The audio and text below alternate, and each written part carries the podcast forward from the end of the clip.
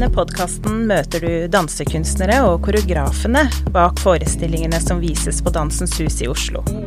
Her kan du høre om det som ligger bak forestillingene, kunstnerisk ambisjon, og om hva som foregår innenfor dansekunsten i samtiden. I femte episode møter du den greske koreografen Christos Papadopoulos, som er aktuell med forestillingen Ion. Han er i samtale med Jonas Øren.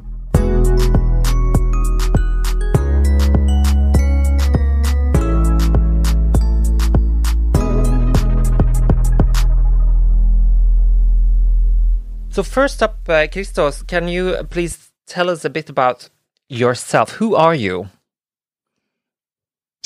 Uh, who am I? I'm Yes, a Greek guy uh, in the south, in Greece. I'm a choreographer, and um, yeah, I'm doing my work as uh, I guess everybody else, trying to do the best way we can, uh, considering the conditions. So yeah, I'm a Greek choreographer. Great. And how would you summarize your artistic career within dance and choreography so far? Um, so I finished my school in Amsterdam in 2008. So since that time, I've been uh, sharing my time between uh, the first uh, 15 years. I shared my time between dancing and creating. So I, I was creating more for theater, for theater, um, like uh, the choreographer for theater performances. I worked a lot for Greek tragedies, and at the same time, I was uh, dancing. Uh, I was working as a dancer to many companies. And since the 2015, I, decided to create my own work. I created my company. Uh, since then, uh, I stopped working as a dancer and um, uh, working as a choreographer. In my company, I'm collaborating with some uh, friends and uh, are, uh, dancers that they're you know great artists, and I'm very lucky with them. So Hmm. since uh, 2015, we work together and we're we created this artistic family. Nice. Um, Yeah. If you were to do a short and concise, like sales pitch of Ion, how would you describe the piece? Uh, I wouldn't be the right one to say this. I know, and all of the people I talk to hate this question. yes, yes, yes, yes, yes. Because uh, for me, for, for a creator or for anybody, I guess the way that uh, we see something that is based in uh, an abstract way of narrating uh, an imagination or a world, Mm. and uh, it can uh, it hides it hides some dangers of. A danger of, uh, in a way, impose or uh, um, uh, manipulate the audience's Mm. mind, and the audience's mind should be open for its own, um you know, interpretation. So, I would more say that uh, my starting point is um, my glimpses of nature, the social awareness of uh, the animals, of the the schools of uh, the fishes and uh, the birds, and the way that they create this amazing movement uh, throughout a big necessity that it is actually survival Mm. and these are uh, stimulating uh, uh, you know stimulating notices that uh, for me are essential for the creation and is where uh, ion is uh, sitting on Yes. Great. So, where does this interest in creating a dance piece about these structures and patterns, as you are describing here, um, within nature, where does that come from? This fascination? Uh, firstly, I think that it's coming because I grew up in a small village in Peloponnese. So I'm uh, not a city guy. I'm uh, I'm a country boy. I grew up in nature. So I've been. Uh, I I was very lucky to to spend all my childhood years in the forest and in the mountains. So this uh, nature observation uh, for me it uh, goes as far behind as I can remember myself. So I think nature is and will always be a big inspiration for me Mm. because it, it has been a part of my life. Uh, I've been helping, for example, my grandfather in the grape farms because he was producing wine. Mm. So I remember myself uh, being actually there. And uh, I don't know, uh, for me, it's very fascinating uh, to see all this uh, beauty that is created in nature that uh, is reflecting uh, not aesthetics, but is reflecting a necessity and a social structure that is there because uh, it's necessary to be there. Mm. So, for example, uh, uh, if we lift our head and we see all this uh, amazing collaboration, uh, it would be, it's actually a big uh, lesson for us. It's a big lesson how you can create this social awareness and coordinate in this amazing way and function and create an entity that actually is politically and socially is functioning. Mm. Uh, so all these uh, aspects, um, the beauty, my childhood, and um, you know my social uh, and political uh, awareness somehow are reasons uh, why someone should, uh, you know, try to take elements from that and create an imagination. Beauty is such a huge uh, expression to use. Uh, how, um, where do you seek beauty? I know you seek beauty within, of course, uh, nature, as you say, and the formations mm -hmm. and the elements you find around yourself, and that you find um, uh, almost uh, in family with, or uh, kind of in connection with, due to your past and your childhood. where else do you find beauty? Um, a very open question, this. Very open question. I find beauty in uh, human relations. Yeah. Uh, I find uh, beauty, I find beauty, the classical beauty in the Greek, uh, in the ancient Greek art, and the way that it's. Uh, uh, that it stood in those uh, in those years. Um, for us, for the Greek people, we are going through phases many times like we get to be very proud of, of our past of something that actually we didn't create. Some some other people uh, centuries behind created. And then we get to to resist from that and say okay we uh, you know we don't care about the past. And then in one point you go back to the past. So um, there is a lot of beauty in uh, in um, in the classical years I find uh, beauty, I don't know, in the music, in poems, in uh, in films, in art in general. Mm. yeah. Nice. Yeah, I find, yeah.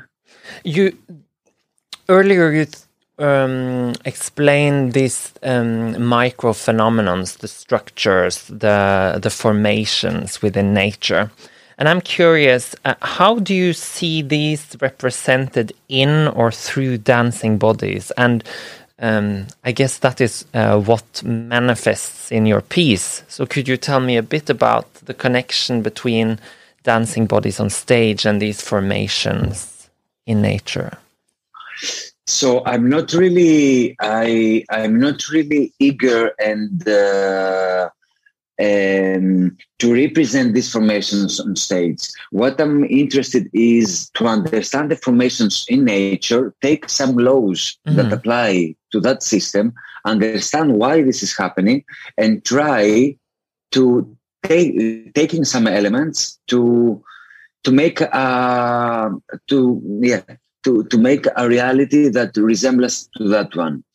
Uh, for example, nature, when we see the, the flocks of the birds and uh, that uh, we're doing all these beautiful shapes and formations, actually it's it's a way to survive hmm. because mm. at that time there is an eagle or a hawk uh, attacking and they're trying to to navigate themselves in a way that they will go that uh, that will make the eagle confused so in a way they can survive so uh, what i'm trying to do is to create uh, to invent rules and uh, conditions and limitations on stage that uh, in a way they will provoke the same result so I there are so many difficulties. For example, uh, one of these is how you can uh, we can uh, execute we can uh, perform the same uh, movement uh, material, mm. but actually we cannot really see each other. And at the same time, even if we, we cannot really see each other, but all only by using the peripheric vision, how we can take elements from each other individual version of the of the phrase and keep on uh, tuning with each other. And this is something very difficult when you actually cannot see each other, Mm. and uh, so I, I, create these uh, difficult. Difficult uh, situations in on stage in order to create this uh, reality Yes. that resembles to nature. I cannot I cannot say that we take this amazing reality and we bring it on stage. We just take some parameters and we try to to figure out how we can uh, create another world that's it's an artificial world. Mm.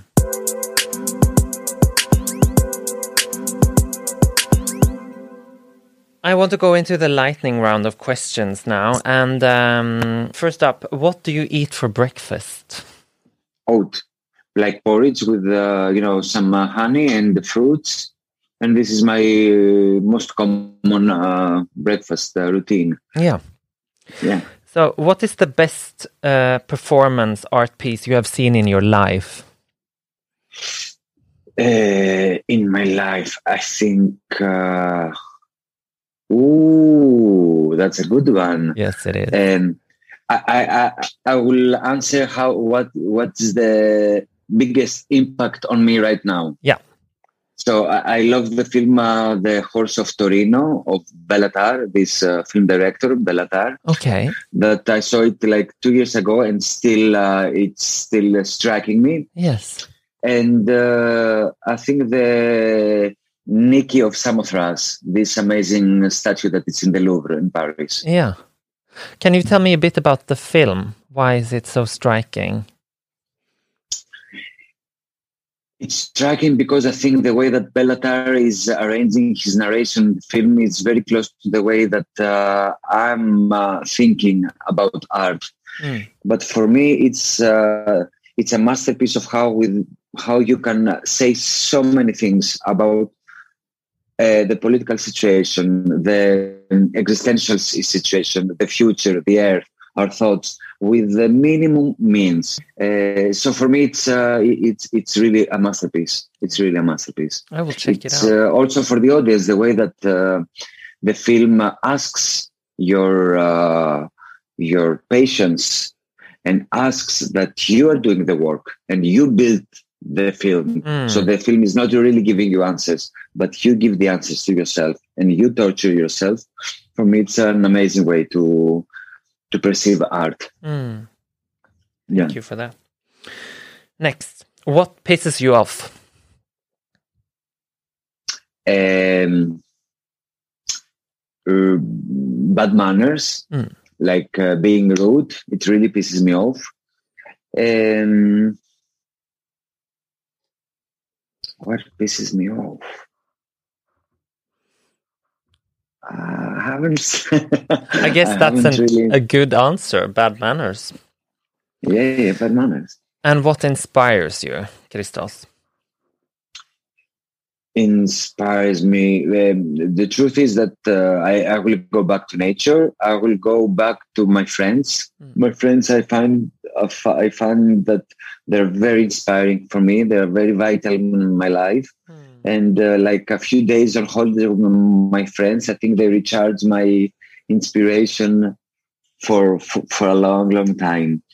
Uh, art in general, but uh, I wouldn't say that art inspires me in order to do art. But uh, in a way, I think that life is more inspiring Mm. for for uh, creating. What is the best book you have read so far? The um, ah, I don't know the English title uh, of uh, Proust, the Seeking of the Lost Time. hmm Now I'm making the translation. You- Yeah. You know what I'm Yeah. talking about. Yes. Yeah, yeah, yeah. This one. A long and a good one. Yeah, and a big one. a big one, exactly. Yeah. So, what are you focusing on right now? What is your main focus? now I'm. Uh, it's the beginning of the tour of the new production. Mhm. So for me, it's uh, it's uh, we start uh, touring end of September. So it's for me, it's still a fresh piece. Yeah. That uh, for me, it's a process uh, while touring. Uh, it's an opportunity for me to keep the dialogue uh, open between me and the play. to realize flaws, to realize uh, mistakes, to, or possibilities to evolve uh, what we're doing. So for me now, the main thing is uh, I'm in a very I'm in a very mm, happy um, state where watching the performances again and again gives me this opportunity. And for me, it's uh, you know it's a very nice period to to make a piece grow and grow and evolve it. Mm. So it's a very nice part of the creative process. So right. for me, the creative process is not end in the premiere, but for me, keeps on going while the, we tour the, the piece. Mm. So now I'm focused on that and uh, on the Christmas holidays that actually they're here mm. almost.